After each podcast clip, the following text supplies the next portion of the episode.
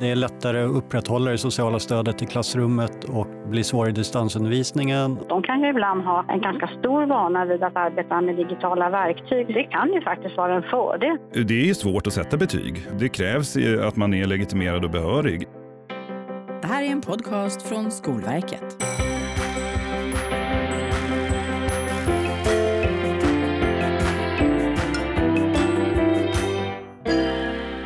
Hej och välkommen till Skolverkspodden. I dagens program ska vi försöka besvara några av de vanligaste frågorna som kommer in till oss på Skolverket med anledning av coronapandemin och de konsekvenser som den fört med sig. För att ta oss an de här frågorna så har vi satt ihop något av en expertpanel. Ni får gärna börja med att presentera er själva. Vi kan börja här i studion.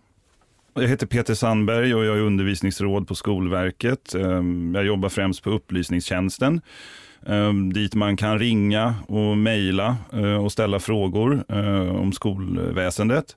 Så det är där jag har mina huvudsakliga eh, arbetsuppgifter. Så jag svarar även en del via sociala medier. Ehm, min bakgrund, jag är lärare och har jobbade, innan jag började på Skolverket, jobbade jag tio år som gymnasielärare. Jag hade ämnen svenska och eh, eh, media. Men nu är jag här på Skolverket. Hej, Robert Olofsson heter jag. Jag jobbar på skolutvecklingsavdelningen och eh, med områden kring digitalisering och eh, betyg och bedömning. Har varit på Skolverket ett antal år och eh, tidigare är jag också gymnasielärare och då ämnena samhällskunskap och idrott och hälsa. Och då kan vi gå över till våra gäster på telefon. Ja, hejsan, jag heter Nina Almér och jag jobbar som undervisningsråd på Skolverket och på skolans organisation och ledning. Och jag ansvarar för olika stöd till chefer och ledare inom systematiskt kvalitetsarbete, skolchefsutbildningen, säkerhet och krisberedskap och olika stöd till huvudmän. Och, eh, jag har varit på Skolverket i några år och innan dess har jag jobbat som chef och ledare på huvudmannanivå i, på kommunal, i kommunala organisationer. Jag har också en bakgrund inom akademin, men allra först och främst så är jag lärare. Och jag heter Anders Boman. Jag är enhetschef för nationella prov på Skolverket och det har jag varit i tre år nu. Dessförinnan så har jag jobbat som gymnasielärare men framförallt som skolledare inom gymnasium.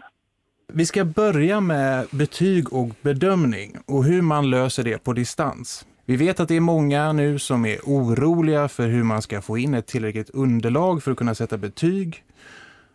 Och Peter, du får gärna berätta, du som tar emot mm. många av de samtal som kommer mm. till oss. Alltså vad, vad berättar man i samband med att man har frågor kring just det här?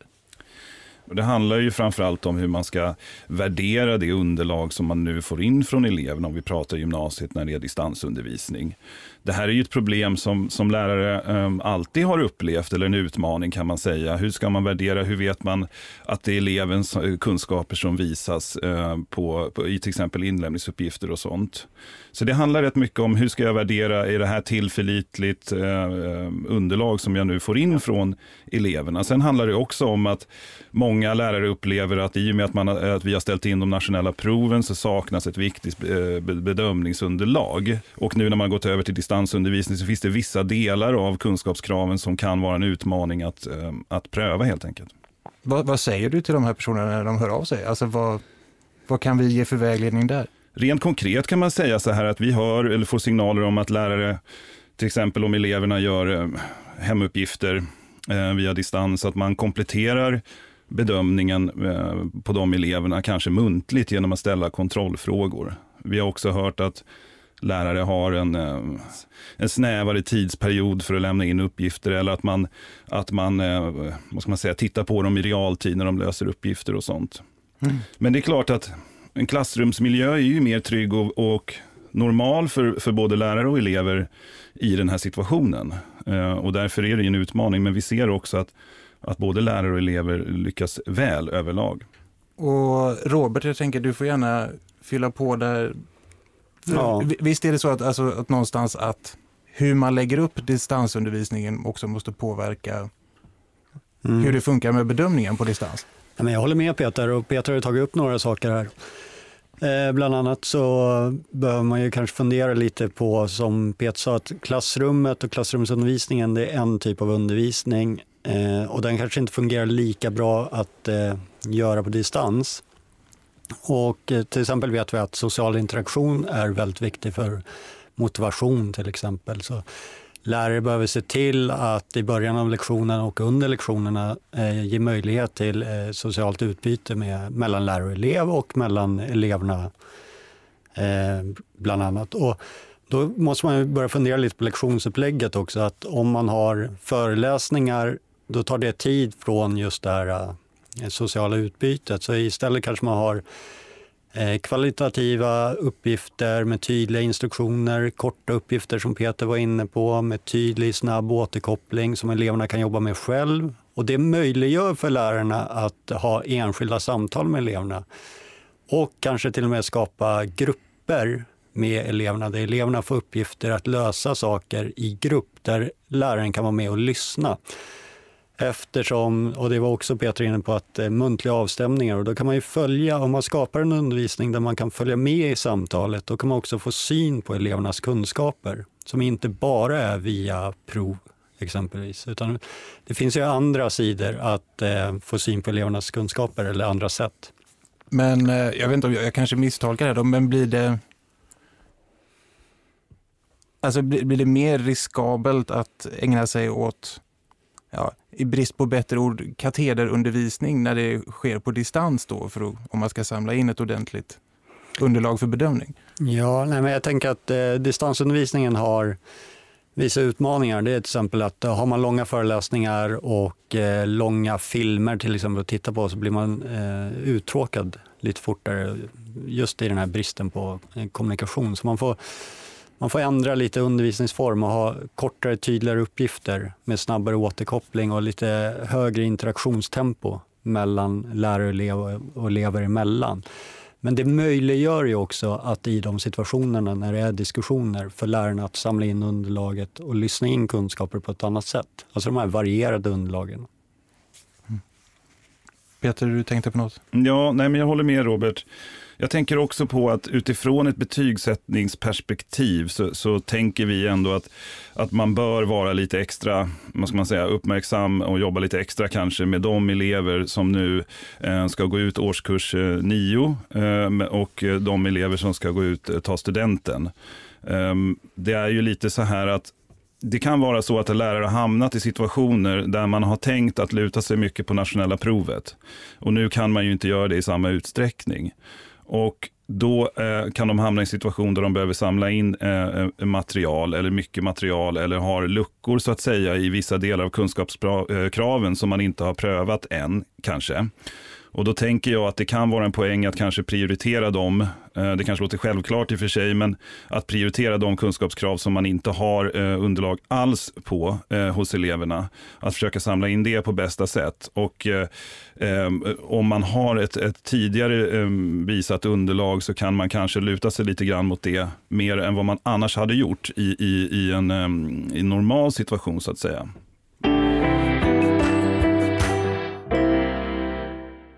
Även om det är upp till lärarna såklart att sätta betygen så ska de ju inte vara helt ensamma i den här processen. Jag tänkte fråga dig Mia, vad kan eh, rektorn ha för roll alltså i den här situationen för att stötta upp lärarna? Ja, nej, men jag tänker mycket på det som, som Peter och Robert säger här.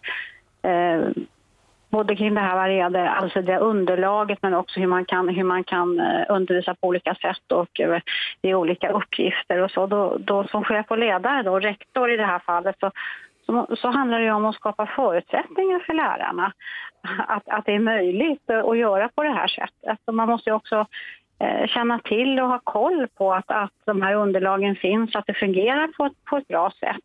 Och då måste man ju diskutera och lyssna och, och, och bjuda in till delaktighet Eh, Eh, med, sin, med sina lärare och se till att, eh, eh, att man har rutiner, att man har mötesplatser på skolan där man kan utbyta erfarenheter, där man kan stötta varandra.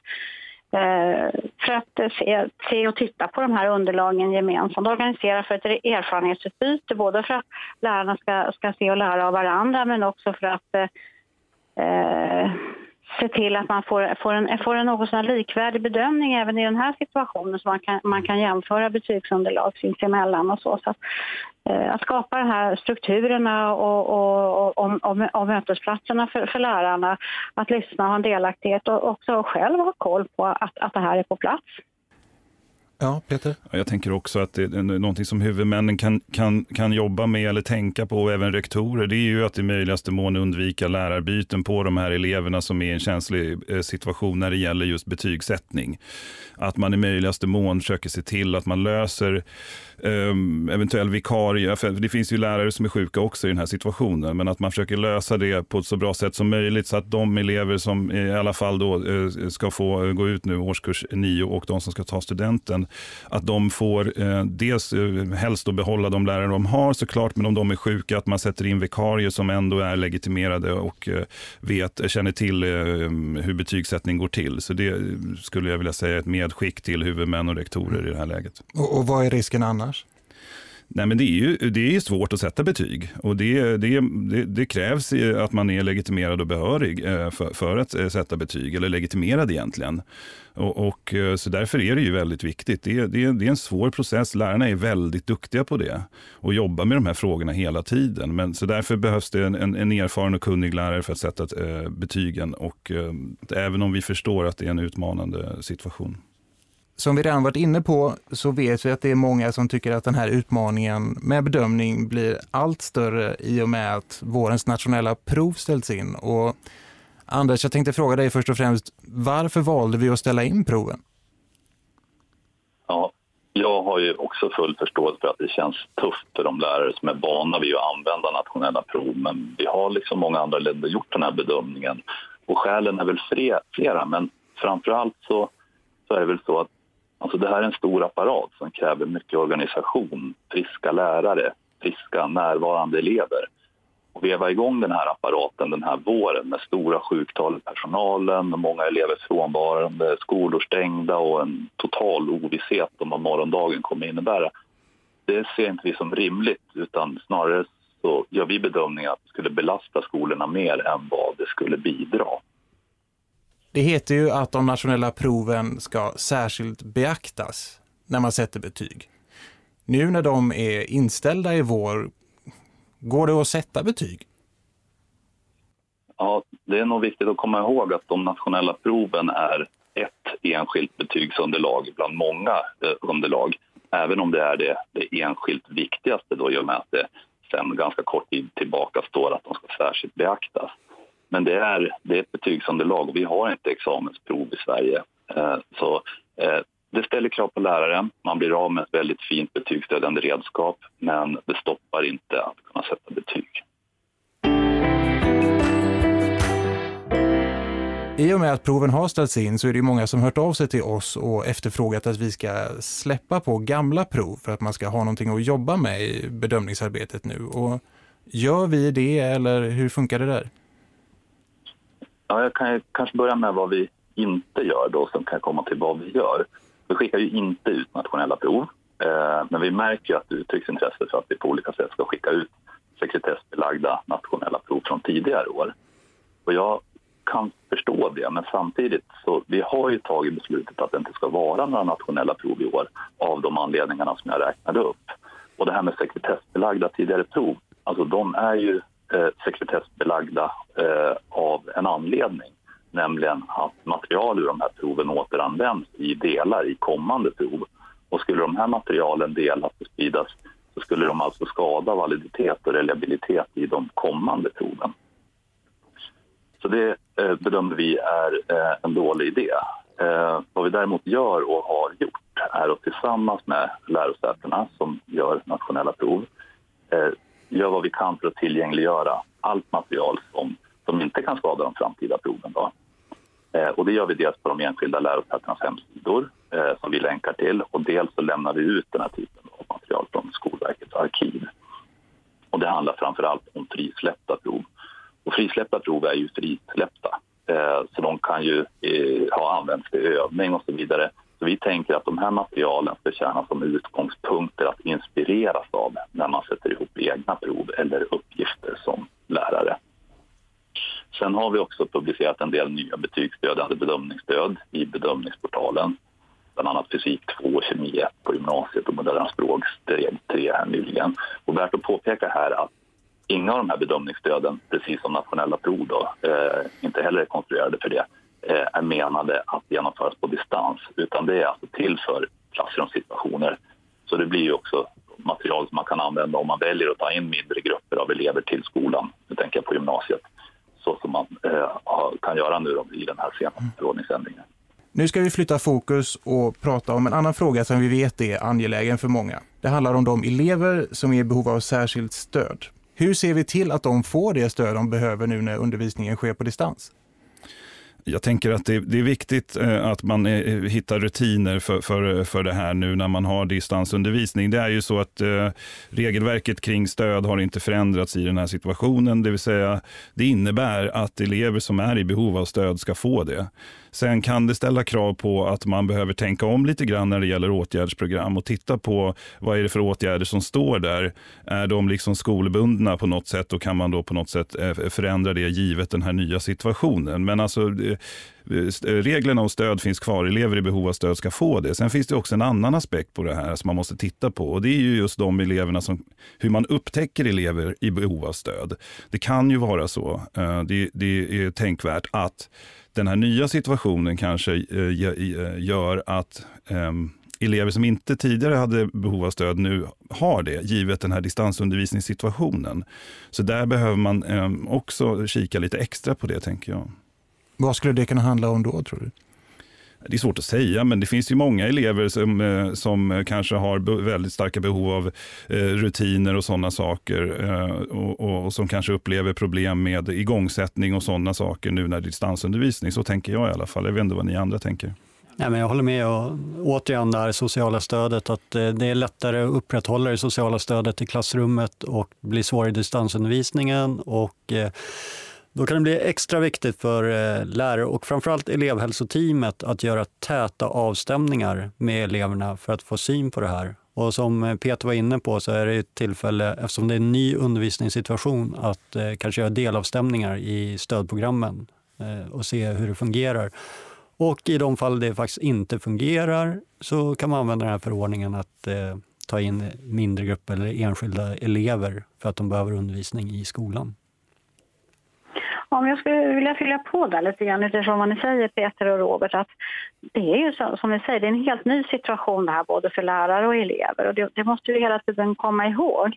Så kan det ju faktiskt också vara så att eh, elever i behov av särskilt stöd, de kan ju ibland ha eh, en ganska stor vana vid att arbeta med digitala verktyg till exempel sedan tidigare och det kan ju faktiskt vara en fördel nu då som som man kanske kan använda och utnyttja på olika sätt. Men sen är det ju som ni säger, tänker jag, att det, det är som alltid att planera utifrån e-, elevens behov och ha det här täta samarbetet med, med specialpedagoger och hela elevhälsan. Och, och stämma av med eleven också. Hur går det? Hur fungerar det? Och så vidare.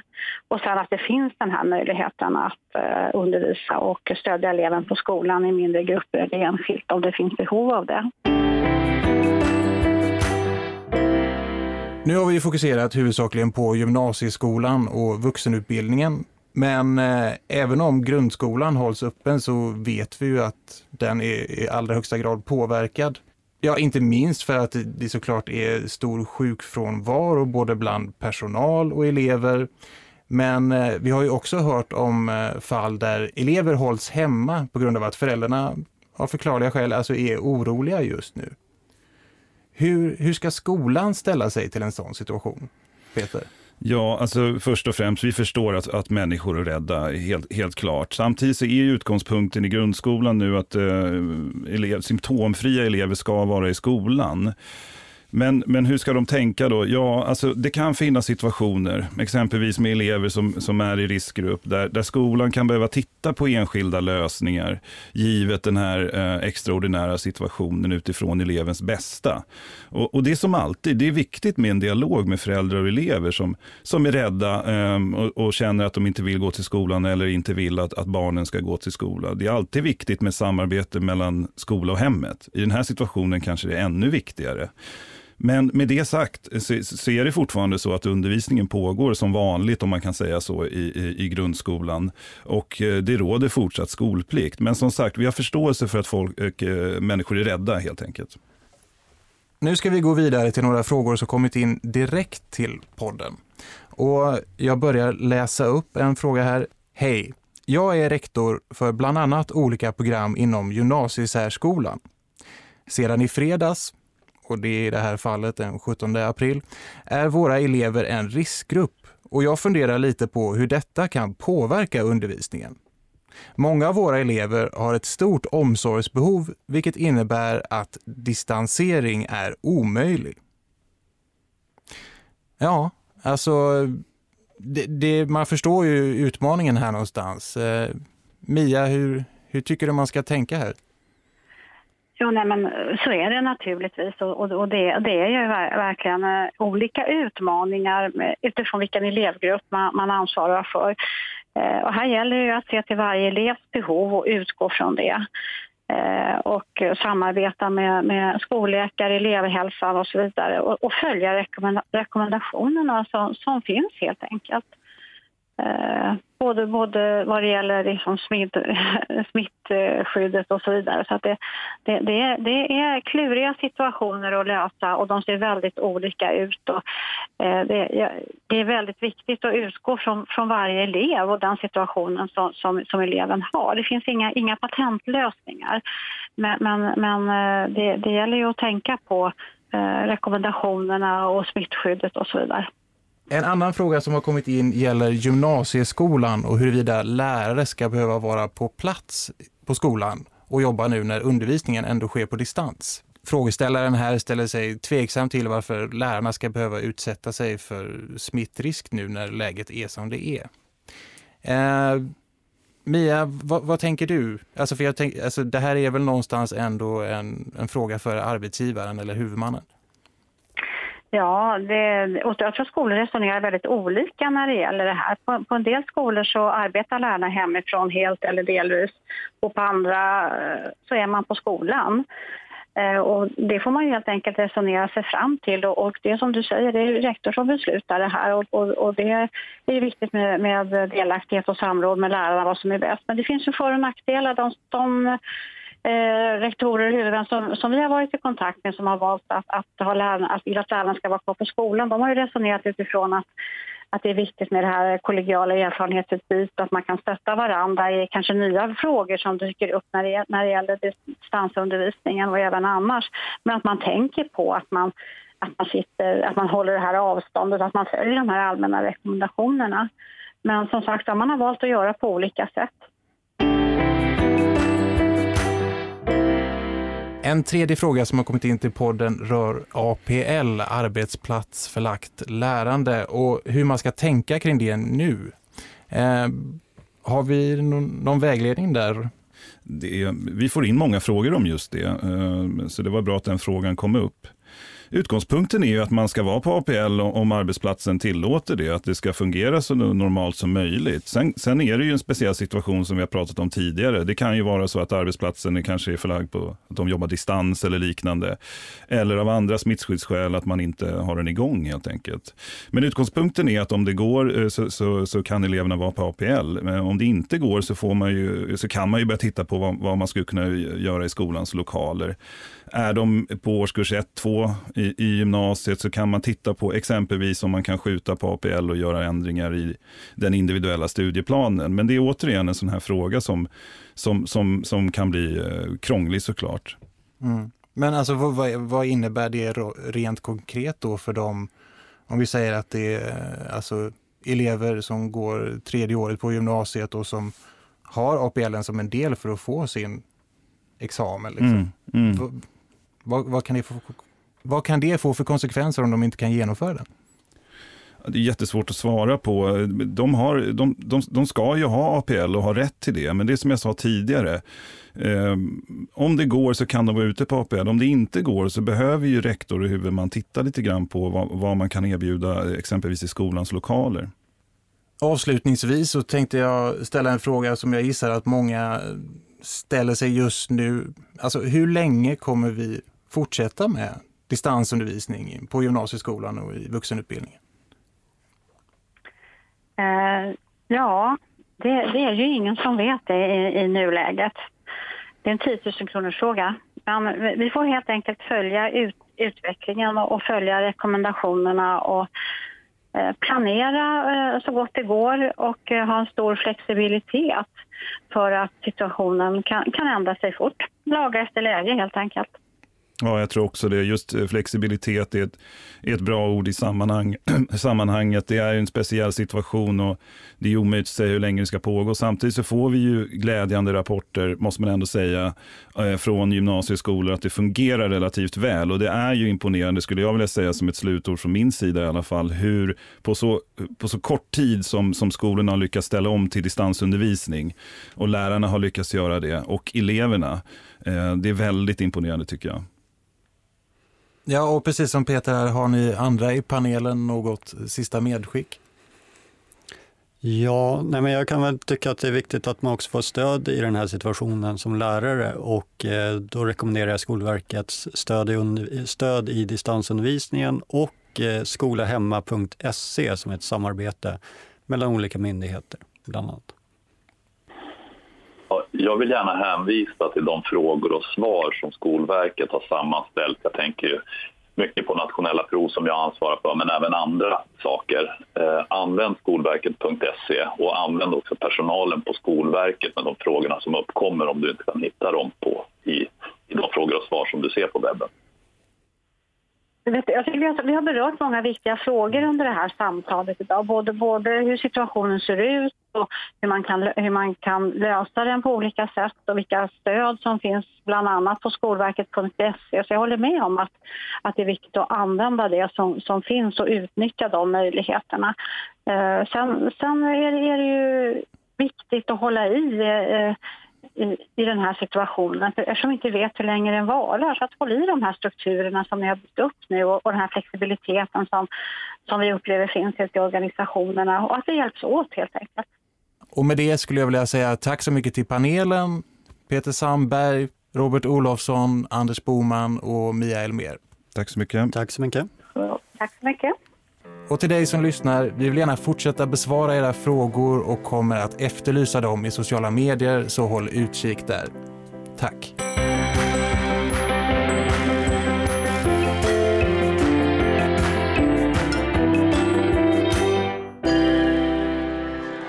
Det här var en podcast från Skolverket.